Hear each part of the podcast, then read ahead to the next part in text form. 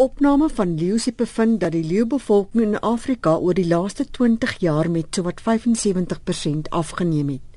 Mercer sê daar is drie groepe wat by die ontleding van hierdie statistiek oorweeg moet word. Dit is die wilde leeu's in die natuur, wilde leeu's wat deur die wildbewaringsowerhede bestuur word en dan die wat in aanhouding geteel word. Wilde leeu's kom in veral Tansanië voor. The risks facing all three are linked but you have to have a different perspective on each.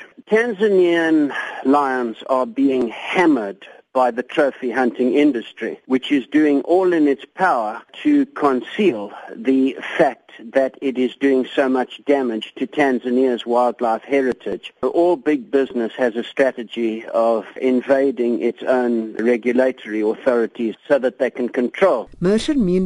Word byna onoplosbaar omdat almal wat dit probeer keer uitgeskakel word. When you have wild lion populations being decimated by hunters, and anyone who speaks out against it is either intimidated or expelled from the country. We've had two instances of that. One eminent researcher who published a paper describing how trophy hunting was having an adverse impact on wild lion populations had his research permit withdrawn and had to leave the country quickly. Die ander akademikus is gedreig voor hy moes praat oor leeu's in Arusha, Tansanië en moes die verwysings na trofeejag uit sy voorlegging verwyder. Die tweede tipe wilde leeu's in Suid-Afrika, die in bewaring, se genepool word te klein. In die stadium is daar genoeg van die wilde leeu's. South Africa has a number of small fragmented reserves.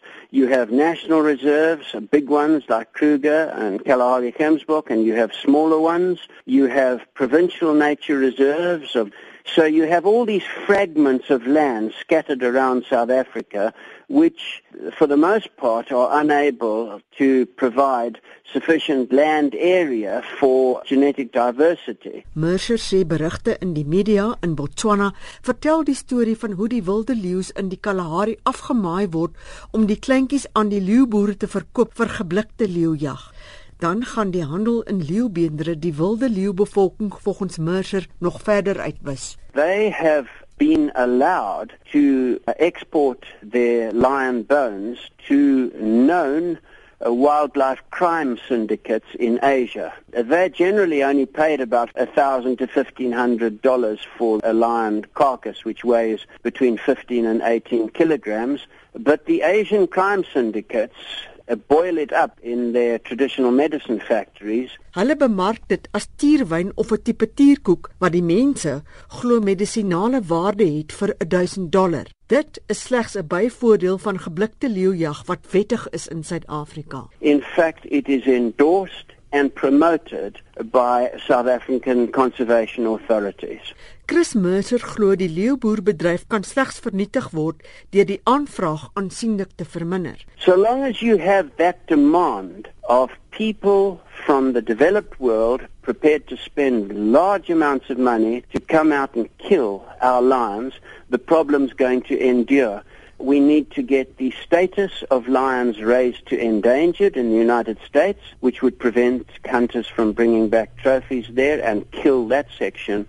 And we need the European Union Commission to ban the import of lion trophies into the EU. Die ander groot aanvraag uit Asië moet ook gekeer word. Having emptied the forests of Asia of their uh, predator population, particularly the tigers, the Asians are now turning to the plains of Africa and they're going to empty the plains of Africa of our wildlife. Asia is a black hole which sucks in resources. Unfortunately, the Chinese traditional medical practitioners regard the bones of wild lions and tigers as being more potent than those of captive bred ones. Die gevolg hiervan is volgens Mercer skrikwekkend. You can expect a surge in wildland poaching uh, quite as awful as the current uh, slaughter of rhino. Dit was die direkteur van die veldtog teen geblikte leeujag, Chris Mercer, Mitsi van der Merwe in Johannesburg.